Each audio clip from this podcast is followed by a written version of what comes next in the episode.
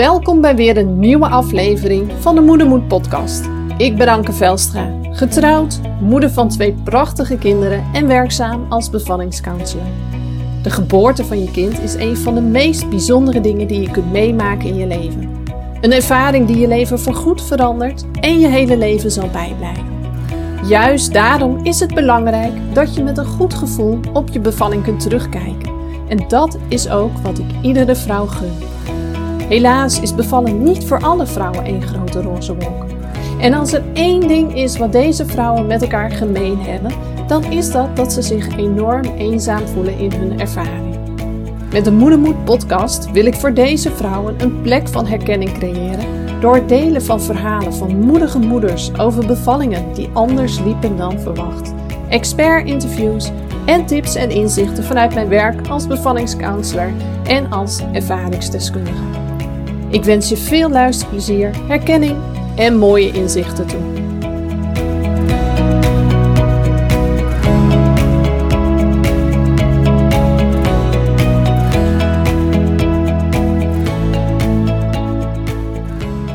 Hi, wat leuk dat je er weer bent bij een nieuwe aflevering van de Moedermoed podcast. Nou, ik begin natuurlijk weer even uh, met een korte samenvatting uh, hoe mijn challenge uh, op dit moment verloopt. Als je dat nog niet had gehoord. ik ben vorige week vanaf 6 september met mezelf de uitdaging aangegaan om een maand lang drie podcasts per week op te nemen en te plaatsen. En de vorige podcast, die heb ik afgelopen woensdag opgenomen. En even voor jouw beeldvorming, dat was 15 september. En in die podcast uh, gaf ik aan dat ik eigenlijk helemaal geen zin had om op te nemen. Ik voelde me ook niet zo heel erg lekker in mijn lijf. Ik had de dag ervoor uh, een, uh, een, behandeling gehad de osteopaat. En nou, mijn hele lijf dat, was overal wat aan het zeuren. En juist als je je dan zo voelt, dan is de, de ja, verleiding heel erg groot om te zeggen van... nou weet je, dan sla ik vandaag een dagje over en doe ik het morgen of overmorgen wel. Ja, en je weet zelf hoe dat werkt. Van uitstel komt afstel en doe je het helemaal niet. Dus uh, ik had me woensdag een, een schop onder de, mijn kont verkocht en gezegd: Hup, die podcast opnemen. Je, ja, je had het, uh, de commitment gemaakt, dus dan moet je je daar ook aan houden. En het grappige, bizarre eigenlijk van dat hele stuk was dat juist die podcast en het verhaaltje wat ik erbij had geschreven ineens ontzettend vaak gedeeld werd. Met name op Facebook uh, werd hij door verschillende mensen gedeeld. En toen dacht ik, dit is wel heel bijzonder. Ik had er eigenlijk geen zin in. Ik heb mezelf heel erg moeten ook motiveren om te doen. En vervolgens heeft hij dit effect. Nou ja, goed. Voor mij in ieder geval wel de bevestiging um, dat het goed is om mezelf ergens toe te zetten op het moment dat ik denk van, eigenlijk heb ik geen zin. En ja, Weet je, je moet gewoon doorgaan. En als je met jezelf keiharde afspraken hebt gemaakt, dan uh, is het ook belangrijk om je daar uh, aan te houden. Um, in deze podcast ga ik het hebben over rouw. Maar wel rouw in een iets andere vorm dan dat we rouw meestal kennen. We kennen rouw vooral uh, als we een dierbare zijn verloren. Maar rouw komt veel vaker voor. Heel veel het is een gespreksonderwerp waar ik het vrij vaak over heb in mijn uh, praktijk. Maar heel veel mensen zijn zich totaal niet bewust dat rouw ook in heel veel andere situaties kan voorkomen. Nou, en hoe kom ik nu bij dit onderwerp? Uh, van de week uh, werd ik door een van mijn oud-cliënten, die bij mij was geweest voor traumaverwerking, getagd onder een bericht van Kind Magazine. en dat, dat artikel, ik heb het hier ook voor mijn neus, dat gaat over rouwen over je bevalling. En dat dat ook kan met een gezonde baby. En um, als je bevalling niet zo loopt uh, als je graag had gewild, zoals je voor ogen had, waar je naar uit hebt gekeken, hoe je het hebt voorbereid, um, dan kan dat best wel nare gevoelens in jezelf losmaken. Um, en dan kan er ook sprake zijn van een, een rouwproces. En daar gaat het artikel op over van kind. Als je het leuk vindt, dan uh, moet je het even opzoeken. Het is vrij makkelijk uh, te googlen, dan kun je het nog even lezen. Uh, maar het leek me wel een mooi onderwerp, juist omdat het toch best wel vaak aan de orde is, om eens even een podcast aan te wijden. En um, onder dat bericht, um, en dat ergens snap ik die reacties wel. Er stonden ook reacties van een aantal mensen die zeiden van uh, rouwen om een bevalling die niet loopt uh, uh, zoals je had gewild. nou, ik had die bevalling voor lief genomen, maar ik ben mijn kind verloren. En dat is nog veel erger.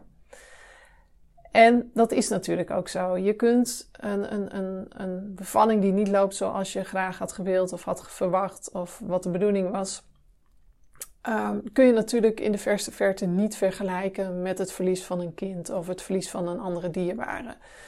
Um, maar tegelijkertijd kun je ook niet zeggen dat andere verlieservaringen en rouwprocessen er niet toe doen. Ik bedoel, elke verlieservaring brengt een rouwproces met zich mee. Soms is het heel klein, soms is het veel groter, maar het hoort onlosmakelijk bij elkaar. En ik denk niet dat je dat moet vergelijken of moet zeggen van nou ja, je mag alleen rouwen als je dierbaren bent verloren en andere processen, dat is onzin. Uh, ja, weet je, je hebt een gezonde baby. Alles mag er wat mij betreft zijn. Maar goed, ik ga daar zo wel uh, wat verder op in. En ik denk juist als je weet uh, hoe een rouwproces is, als je dat hebt meegemaakt, dan weet je ook gewoon hoe heftig dat kan zijn. En ja, laten we juist vanuit liefde en compassie naar elkaar kijken. Naar alle mensen die op wat voor manier door zo'n rouwproces heen gaan.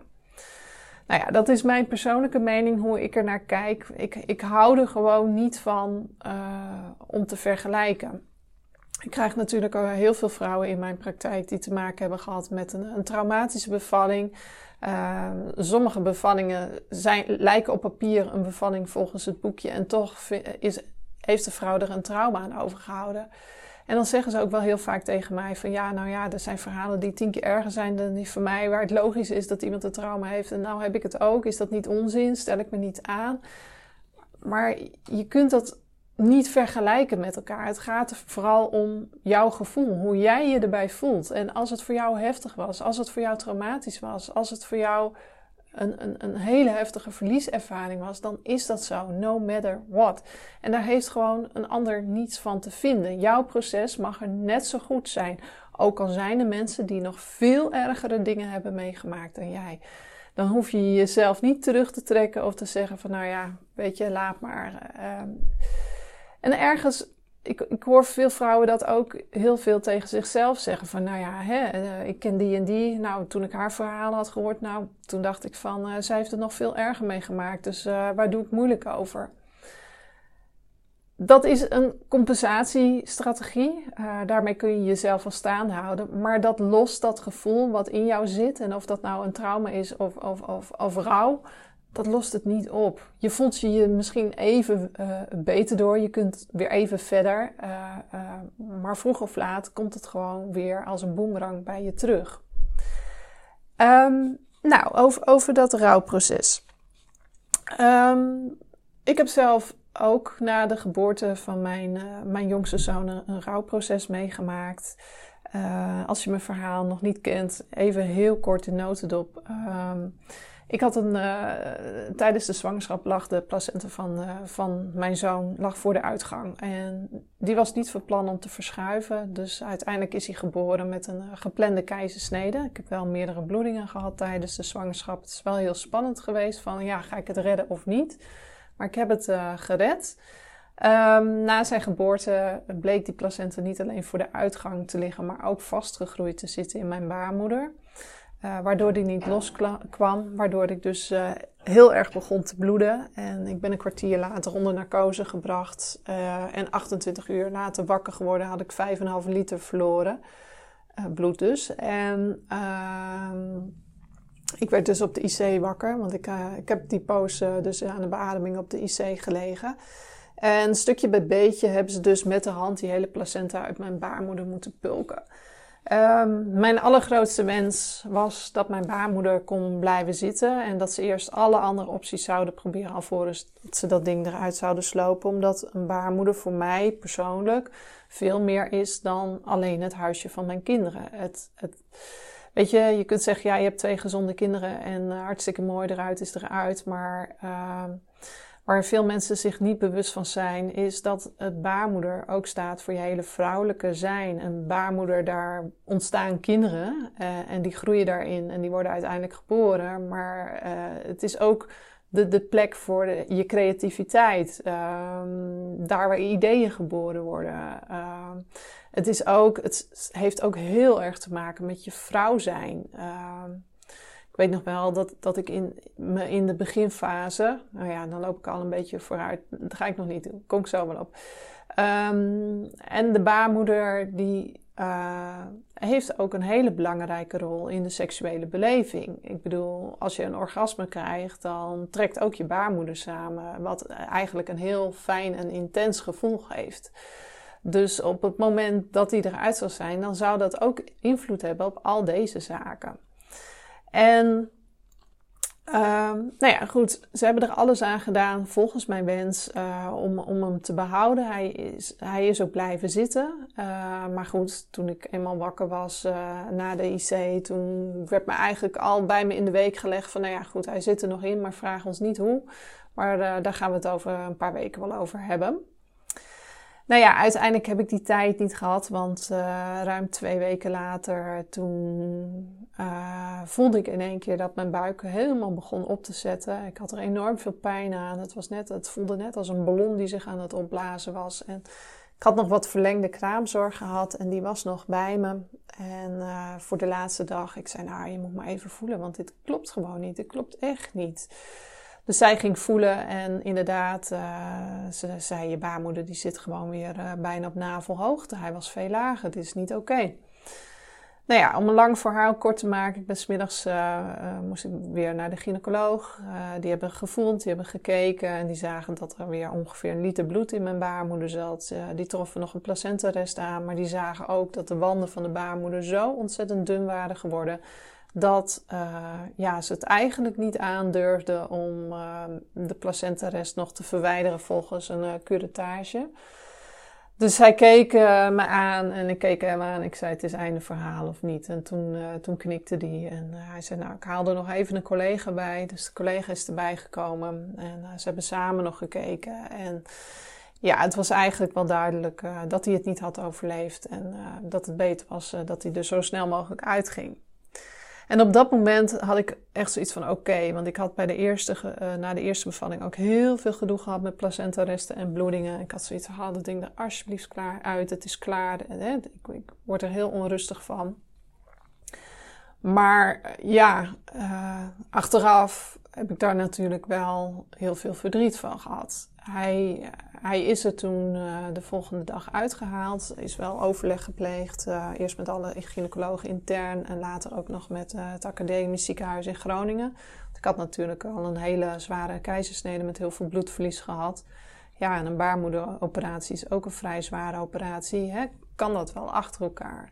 Maar ja, er was gewoon geen andere keus. Dus dat hebben ze gedaan. En de volgende dag is hij, is hij eruit gehaald. Um, ik was op dat moment, omdat het allemaal zo snel ging, was ik ook niet goed voorbereid op wat het zou betekenen. Uh,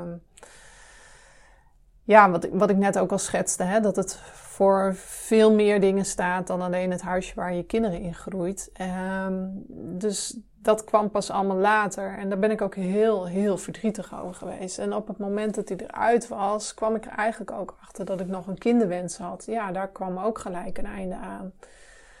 Dus, en, en naast het verdriet merkte ik gewoon heel erg dat uh, mijn hoofd het dan wel kon bevatten dat hij eruit was en dat ik nooit, nooit meer kinderen zou kunnen krijgen. Uh, maar mijn ziel, hè, dat, dat zit echt op een diepere laag. Die kon het totaal niet bevatten. Die was, die was een en al onrust. Ik ging alles uitzoeken over baarmoedertransplantaties, over draagmoederschap en weet ik veel wat. Uh, hè, om, om nog gehoor te geven aan die kinderwens. En Uiteindelijk heb ik op dat stuk nog gewerkt. Ik deed op dat moment uh, mijn derde opleiding systemisch werken. En uh, heb ik in de opleiding nog rondom dat thema gewerkt. En toen kon mijn ziel er ook pas rust in vinden.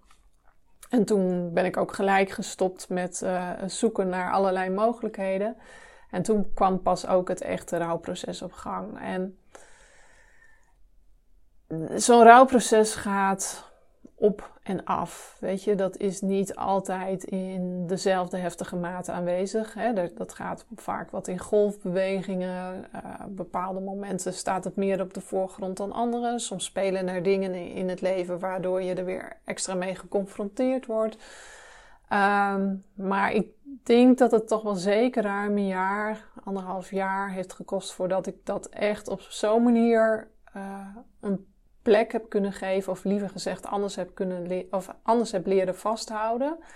Ehm, waardoor het ja, voor mij veel rustiger is geworden en veel meer naar de achtergrond is gegaan. En dat is maar goed ook, want anders had ik dat werk wat ik nu doe, had ik nooit kunnen doen. Want dat gaat constant over baby's krijgen. En dat betekent niet dat ik er nooit meer over, verdrietig over ben, ben, want een rouwproces is een ongoing proces. Uh, ja, een paar keer in het jaar dan ben ik er gewoon nog steeds eens een keer heel verdrietig over. Meestal helemaal niet gekoppeld aan uh, dat ik net een bevalling heb gedaan, totaal niet. Staat er vast los, vaak los van, maar soms komt het voorbij.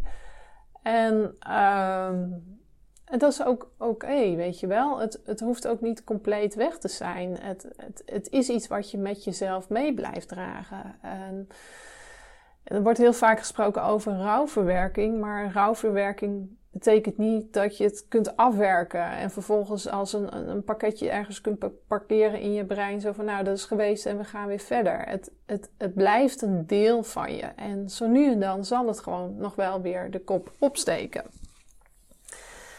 En ik heb je nu net wat verteld over mijn eigen uh, rouwverwerkingsstuk, wat ik heb meegemaakt, uh, waar het niet ging over het verlies van, uh, van een dierbare. of om het verlies van een baby of ja, ja een, een ouder kind. Um, maar rouw is eigenlijk gekoppeld aan alle verlieservaringen.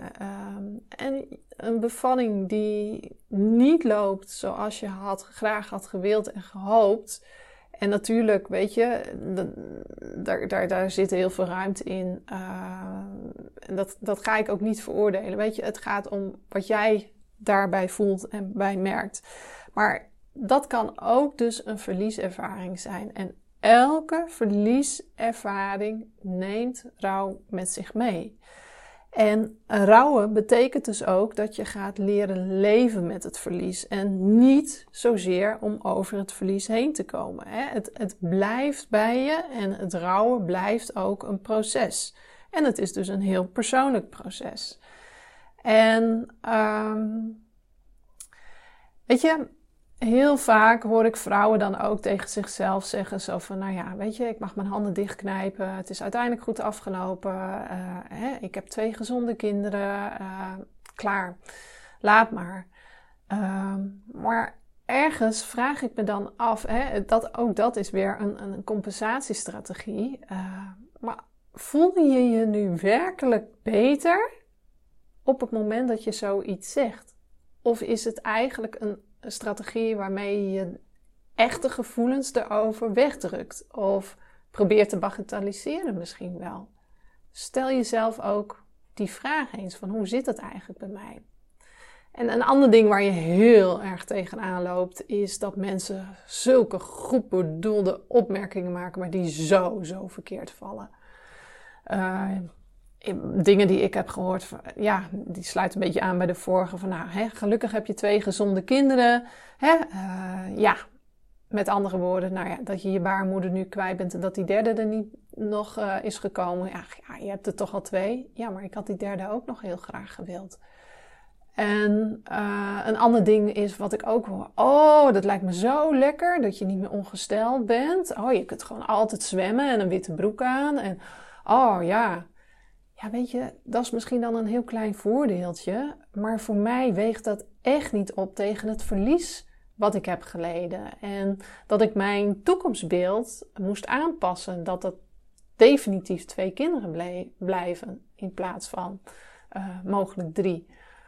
Um, dus ik snap wel waarom mensen het zeggen en mensen proberen daarmee zeg maar jou een beter gevoel te geven.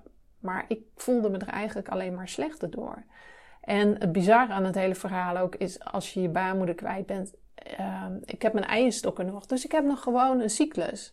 En ik voel ook wel wat gebeuren. Al vind ik het heel moeilijk in te schatten of iets nou mijn ijsprong is of iets nou de daadwerkelijke menstruatie is.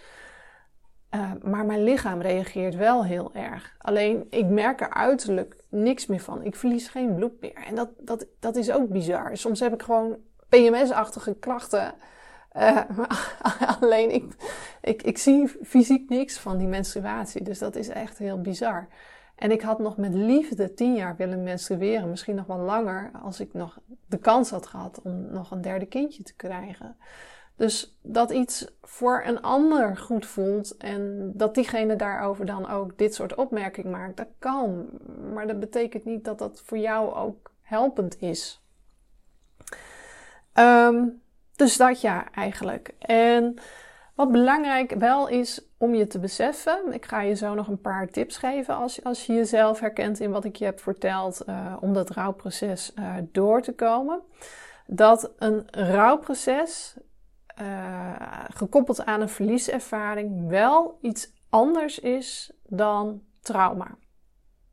Die twee dingen kunnen heel goed in combinatie uh, voorkomen. Ik waarschuw mijn cliënten vaak ook van uh, als je aan de slag gaat met het verwerken van trauma en het rouwen om de verlieservaring heeft nog niet zoveel ruimte gehad, kan het zijn dat je dat proces nog door moet. Want ik, ik heb heel vaak van die vrouwen die heel stoer en stevig zijn en heel lang zichzelf staande houden en niet echt heel erg ruimte hebben gegeven aan hun verdriet en hun werkelijke gevoelens.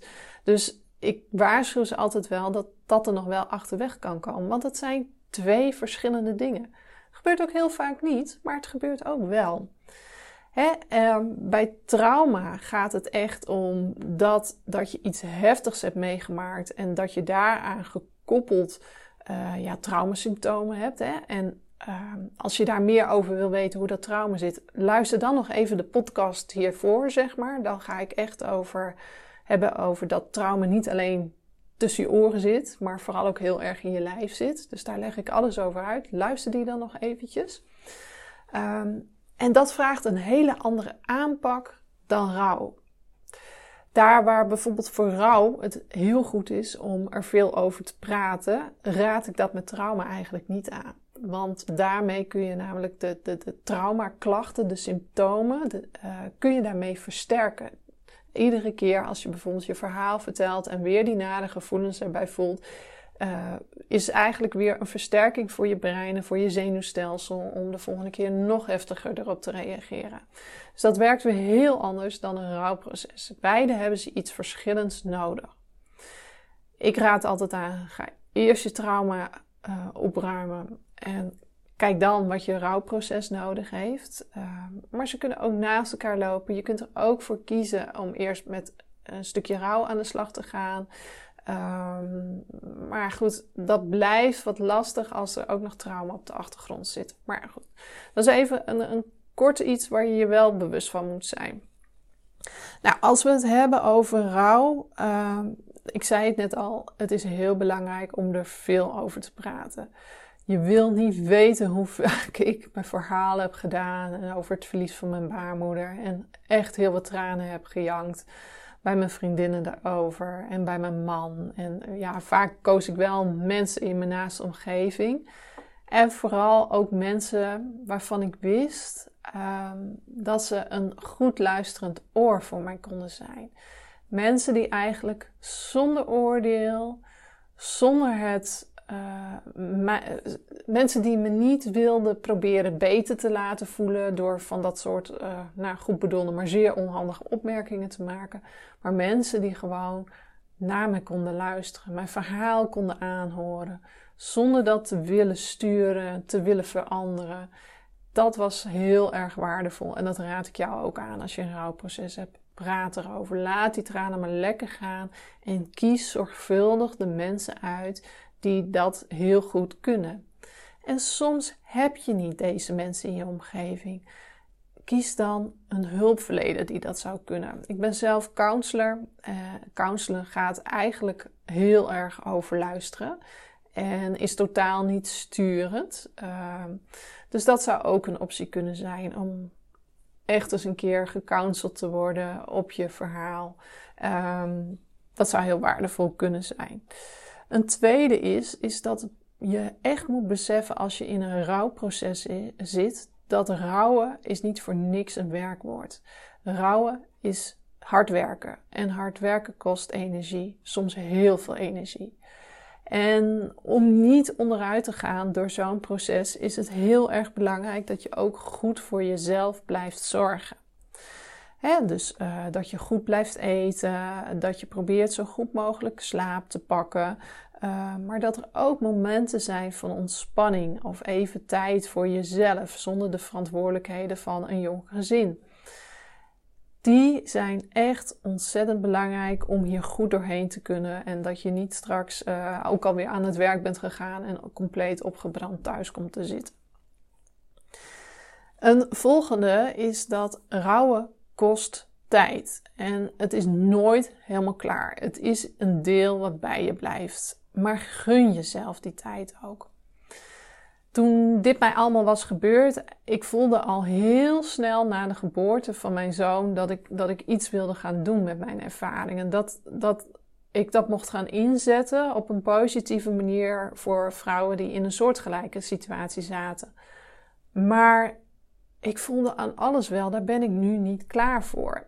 En ik, ik was al coach, uh, ik, ik, ik had al aardig wat opleiding gehad. En ik wist ook gewoon heel goed dat als ik als hulpverlener wil werken voor vrouwen die in een soortgelijke situatie zitten, moet ik eerst zelf helemaal schoon zijn en mijn eigen processen doorlopen hebben.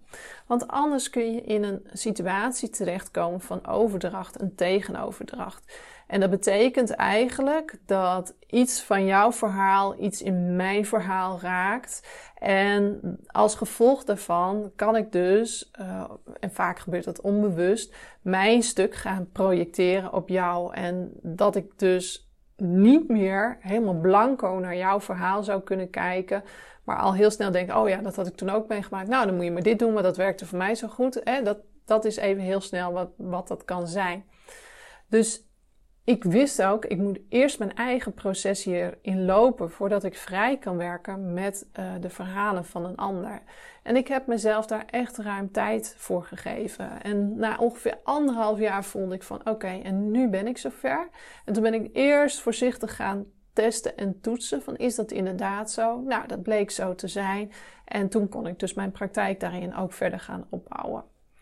Um, gun jezelf de tijd. Het is een proces, echt waar. En je zult merken als je jezelf het proces gunt, dat ook langzamerhand uh, het proces zal veranderen. Uh, en dat je het leert om het op een andere manier eh, vast te houden. Je krijgt er meer grip op. maar het zal niet volledig weggaan. Het zal een ervaring blijven die, met die je met je meedraagt. Um, en stel, jouw laatste bevalling was de meest traumatische. En je wilt hierna geen kinderen meer, of het kan niet meer, of het lukt niet meer. Dan zul je dus ook moeten dealen dat jouw laatste bevalling een hele nade was. En dat je nooit meer de kans hebt om het over te doen. Ja, dat is sowieso een hele gevaarlijke uitspraak. Dus dat zijn wel dingen die zijn plek moeten krijgen. Um, en daarnaast, als je heel verdrietig bent en rouwt uh, over, over de verlieservaring, heb je gewoon heel erg de neiging om je terug te trekken. Op sommige momenten wilde ik gewoon eigenlijk het liefst alleen in bed blijven liggen, hoofd onder mijn kussen leggen. En jongens, laat me, alsjeblieft. Maar belangrijk is wel om in contact te blijven met de mensen in je naaste omgeving, met je familie, met je vrienden. En ook om sociale dingen te blijven ondernemen. Want anders wordt je wereldje gewoon echt ontzettend klein. En ik, ik kan me echt heel goed voorstellen dat het soms een drempeltje overgaan is. Maar het is wel heel erg uh, belangrijk om dat te doen. En juist als zij heel goed een luisterend oor voor je kunnen zijn, moet je dat ook zeker uh, gaan uh, ja, benutten, vastpakken, beetpakken. Nou, um, ik denk dat ik uh, tot zover eigenlijk wel uh, genoeg heb verteld over, uh, over dat je ook zeker kunt rouwen over, uh, over je bevalling en andere verlieservaringen dan alleen bij overlijdens. Ehm, ik hoop dat je deze podcast waardevol vond. mogelijk heb je nog wat nieuwe inzichten opgedaan. Um, als je vindt als je hem waardevol vond en als je denkt van goh, dit zouden meer mensen uh, moeten luisteren, dan zou ik het super fijn vinden als je deze uh, podcast deelt. Uh, bijvoorbeeld via stories, want dan komt hij onder de aandacht bij meer mensen en daarmee kun je mij helpen nou ja, om meer mensen te bereiken. Nou, dankjewel voor het luisteren. En uh, nou, de podcast voor deze week uh, zitten erop. Dus volgende week uh, ga ik week drie in van mijn challenge. En ik ben heel benieuwd. Ik merk wel dat nu ik dit zo structureel doe, want een van de dingen die ik mezelf natuurlijk altijd voorhield was, ik heb niet zoveel inspiratie, een podcast. Maar nu ik het echt doe, de inspiratie is er ook. En dat is gewoon super leuk. Je ziet veel meer kansen en mogelijkheden. Dus uh, nou, ik weet het nog niet, maar wie weet uh, wordt het nog wel wat langer dan een maand. Uh, we gaan het zien. Hey, heel graag tot de volgende podcast.